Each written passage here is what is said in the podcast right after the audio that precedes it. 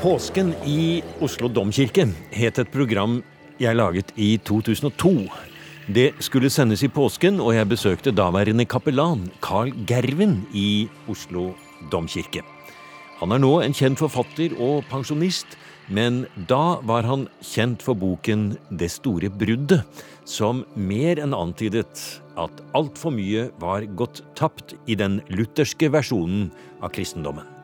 Hvor var helgenene? Hvor var de katolske mysteriene som så mange mennesker følte seg tiltrukket av? Dette var helt i starten av museum, som har fortsatt 16 år etter dette programmet. Men det kunne ingen vite da, og her et gjenhør med 2002 i påsken 2018. Siden dette er en podkast, er musikken redigert nesten helt bort. God påskeferie. Hilsen museum.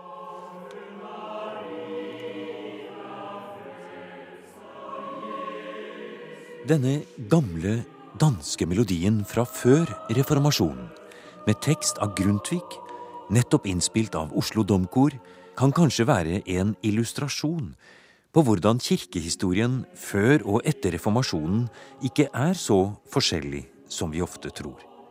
Og selv om kirker ikke er museer, er de sterke bærere av historie. Vi tar påsken som eksempel. Så lenge det har vært kristendom i Norge, har påsken vært den viktigste høytiden. Feires den kirkelige påsken på samme måten nå som tidligere? Vi leter i kirkehistorien og går inn i et rom i byen, i et rom i tiden.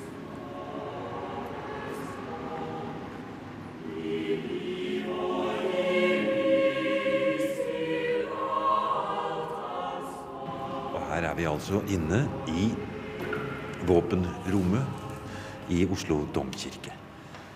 Og vi har med oss her eh, kapellan Carl Gervin, som er prest her. Oslo domkirke er vel kanskje ikke av de største monumentalbygg og prangende, store, flotte kirker, men eh, det er en verdighet og en historisk kontinuitet over denne kirken. Ja, det er jo det. Eh, vi pleier å si at det er ikke noen institusjon i eh, hovedstaden som har så lang felles historie med byen som domkirken.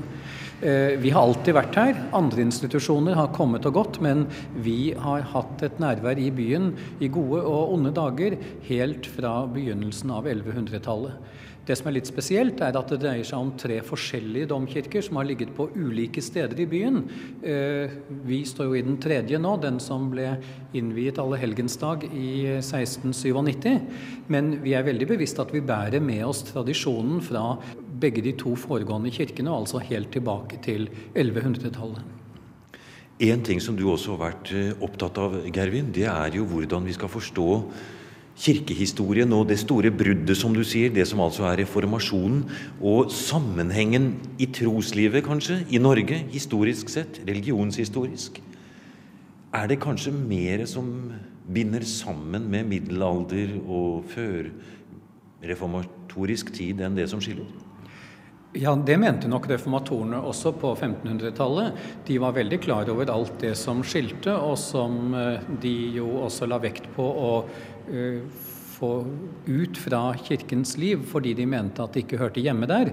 Og eh, fordi det var så mye som skulle bort, så kunne man med stor rett snakke om et stort brudd i kultur- og kirkehistorien. Men samtidig så var jo reformatorene veldig klar over at det viktige, altså det man sto for som kristne, det at man eh, trodde på en treenig Gud, at man hadde sakramenter og alle disse tingene, det, det var man felles om, selv om det altså foregikk et, et brudd. Det vi prøver her i, Oslo domkirke, eh, er å finne tilbake til kirkens brede tradisjon. Vi prøver altså istedenfor å understreke det som skiller, å finne frem til det vi kan bruke i denne store tradisjonen.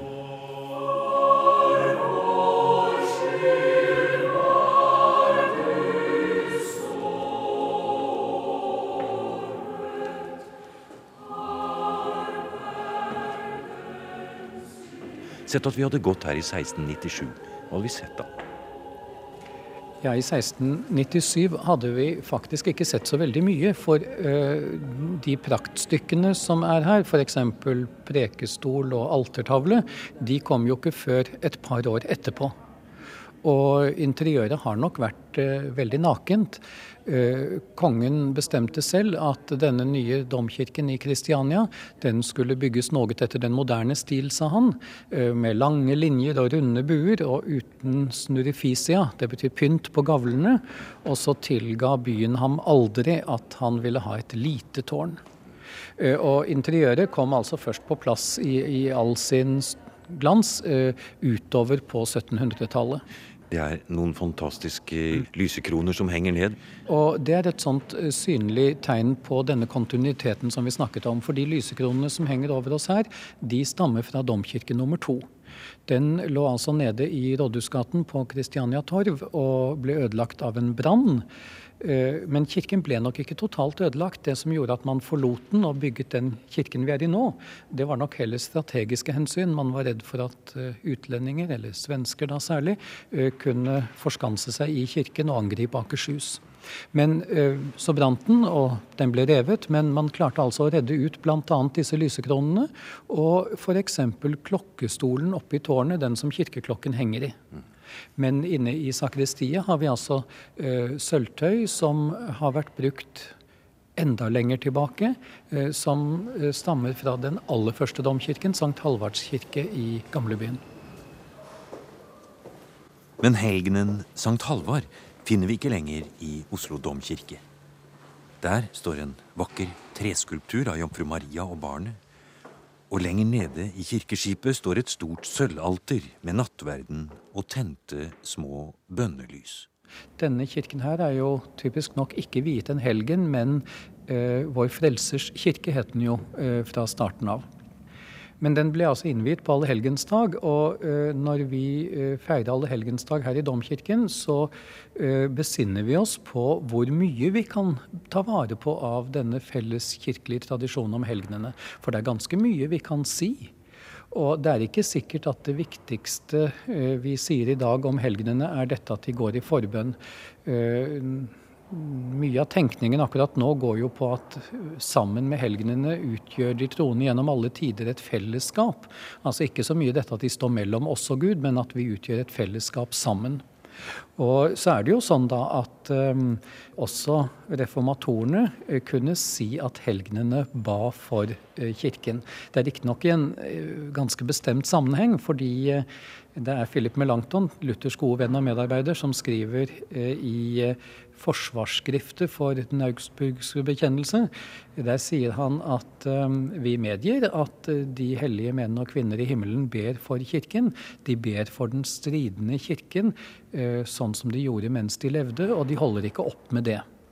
Men det reformasjonen ikke ønsket, det var at man påkalte de hellige menn og kvinner.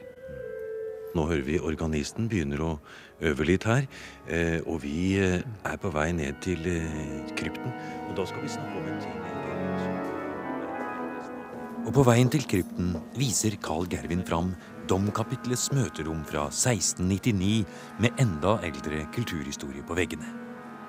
Blant mange andre mørke ansikter fra oljemaleriene ser vi den berømte Hans Rev, den siste katolske biskop i Oslo som kom tilbake, reformert, som byens første lutherske superintendent.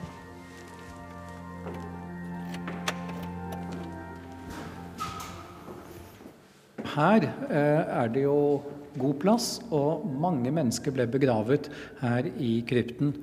Eh, da var det sånn at rundt kirken var det jo en gravlund. Men dette var jo ute på landet, da, og eh, det var mange dyr som gikk og gresset. og Brannmennene ble beskyldt for å tømme dobøtten sin på kirkegården, og sånn, så de som eh, hadde litt penger, de prøvde å unngå å bli begravet der. Og da var neste hakk på den sosiale stigen å bli begravet her hvor vi er nå. På veggen så er det jo store uh, tall, ja. malt uh, talm og buer, og her ble da kistene plassert oppå hverandre. Og akkurat nå er vi i nordenden av krypten, og her var det altså fem riksdaler billigere å bli begravet enn på den andre siden av veggen. Og det har sammenheng med at nord i Europas kulturhistorie jo har vært en suspekt himmelretning. Nord og ned? Ja, altså det startet jo allerede med de gamle grekere. altså Boreas, nordenvinden, er, er en eh, lumsk og upålitelig vind. Og når Askeladden skal hente melet, går han jo til nordenvinden.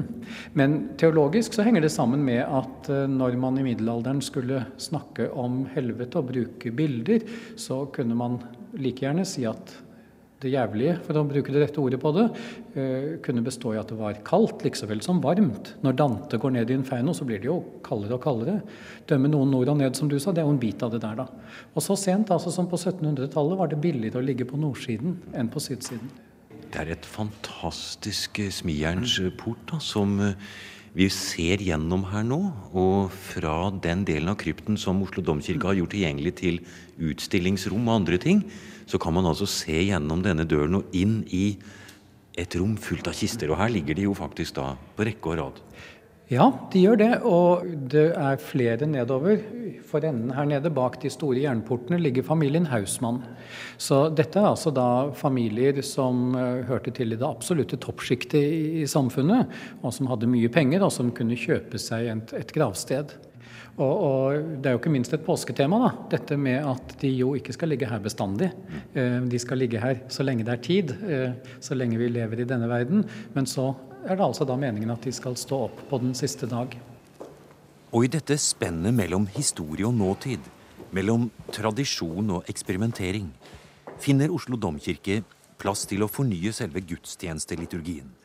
Carl Gervin forteller om hvordan påsken innledes palmesøndag med at midtgangen i kirken forvandles til en gate i Det hellige land, med palmer og palmekors som menigheten kan ta med hjem. Men hver gudstjeneste utover i påsken får ny innramming. Altså, eh, Bak oss nå har vi jo palmesøndag. og eh, Palmeskogen som vi snakket om, den er fjernet fra kirken nå. Den står der bare den ene dagen, i prinsippet. Men noen av grenene har vi tatt vare på, og de eh, vil vi da brenne neste år, når vi kommer til eh, begynnelsen av fastetiden før påske. Og asken fra disse palmegrenene som vi da har tatt vare på, den bruker vi når vi tegner askekors på pannen til de som kommer askeonsdag, altså ved starten av fastetiden. Og så i enden av fastetiden har vi da palmesøndag, som vi nå har snakket om. Eh, I kveld har vi en helt spesiell gudstjeneste eh, på skjærtorsdag. Vi feirer eh, skjærtorsdagsmessen om kvelden fordi Jesus jo spiste kveldsmat med disiplene siste gang om kvelden. Og det er en fin gudstjeneste med hovedvekt på å forklare hva nattverden er for noe. Bl.a. dette at da Israel gikk i ørkenen, så ga Gud dem manna å spise. På samme måte får vi nå næring. De gamle kalte det jo viatikum, altså reisekost, nistemat på en måte, mens vi er på vandring i denne verden. Og da så Guds folk sto på terskelen til det lovede land og, og så inn på den herligheten som ventet dem, eh, så kom speiderne og Josva tilbake igjen med en vinranke som var så stor at det måtte to mann til for å bære den. Og på samme måte får vi i kveld eh, nattverdvinen som en foregripelse av det som en gang skal komme. Men det spesielle med gudstjenesten utover det er at eh, vi så avslutter med fin musikk, eh, bl.a. fra Jeremias klagesanger. Og vi eh, rydder da samtidig kirken for all pynt. Og vi slukker alle lys, og til slutt er det da stummende mørkt. Så åpner vi dørene i alle himmelretninger, og så forlater menigheten kirken under atskillig forvirring. Og Tanken er at dette da skal bringe liksom, øh, øh, oss til å tenke litt på hvordan det var den første øh, skjærtorsdag, når disiplene gikk ut i mørket og jo var både forvirret og urolige og, og ganske redde. Det du beskriver nå, det er jo en, et gudstjenesteforløp som på en måte engasjerer og tar med menigheten nærmest uh, som en forestilling hvor alle deltar i. Og det er jo egentlig en helt annen, vil jeg tro, opplevelse av en gudstjeneste enn det man ville kanskje hatt både før og etter reformasjonen. For det er jo ikke sikkert at uh, det var lov til å ytre seg så mye under en gudstjeneste i katolsk tid. Og etter reformasjonen hadde de lutherske prestene minst like mye på hjertet som de katolske. Ja, altså det var nok sånn at det ble eh, både preket og belært ganske mye i katolsk tid. Eh, vi har jo bevart eh, eh flotte prekener fra eh, norsk middelalder, f.eks. Eh, men det, det talte ord eh, fikk allikevel en ny plass i kirken etter reformasjonen. Og det brukes veldig, veldig mange ord i, i vår kirke. Eh, jeg tror det var Jakob Weidemann som sa en gang eh, han eh, og jeg planla en utstilling her i Domkirken, at det er synd at Den norske kirke bruker så mange ord, for da går man på et vis med støvlene på og ikke barbent, som f.eks. mange av de hellige menn og kvinner gjorde. Og vi legger vekt på at det skal være en solid og ordentlig preken, men i tillegg så har vi altså alt dette symbolske i kroppsspråk og i bevegelser og i mange andre sammenhenger. Og poenget med det er at da behøver vi ikke si så mye. Og det at man ser en ting eller hører en ting samtidig, det understreker et innhold som folk tar nesten intuitivt. Altså. Vi har Eh, mange eksempler på at folk nærmer seg denne måten å gjøre det på. Og vi ser jo at eh, det slår an. Altså Vi hadde vel kanskje gjort det i alle fall fordi vi tror det er riktig, men dette er i ferd med å, å slå rot mange steder i Den norske kirke.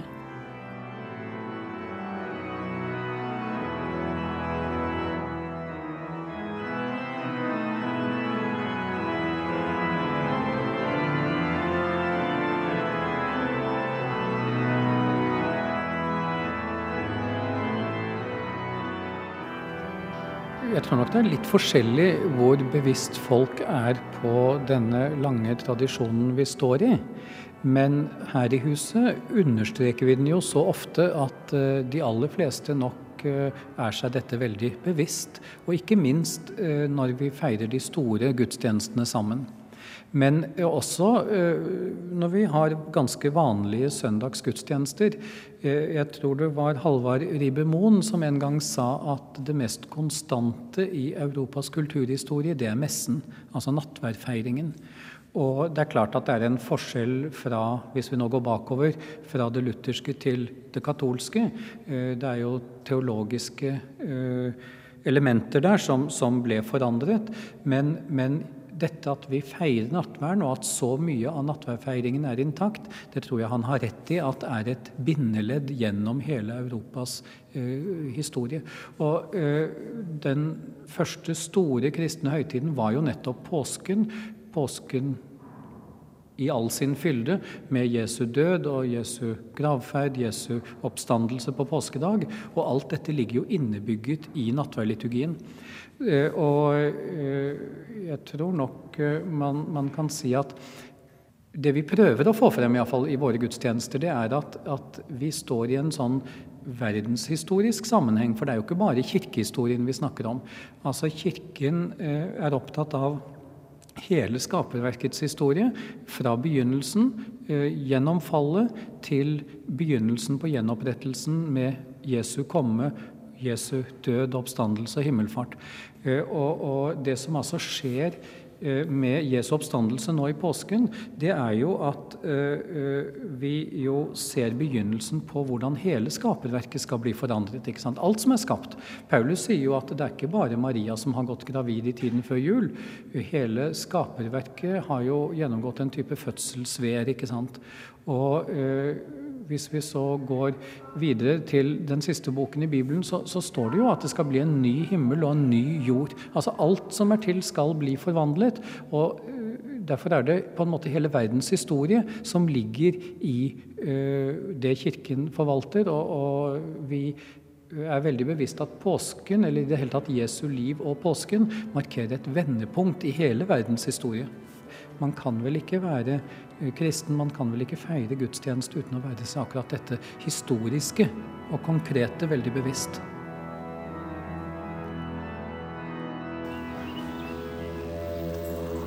Du har nå hørt en podkast av programmet Museum fra NRK P2. Send gjerne en e-post til museum krøllalfa nrk.no.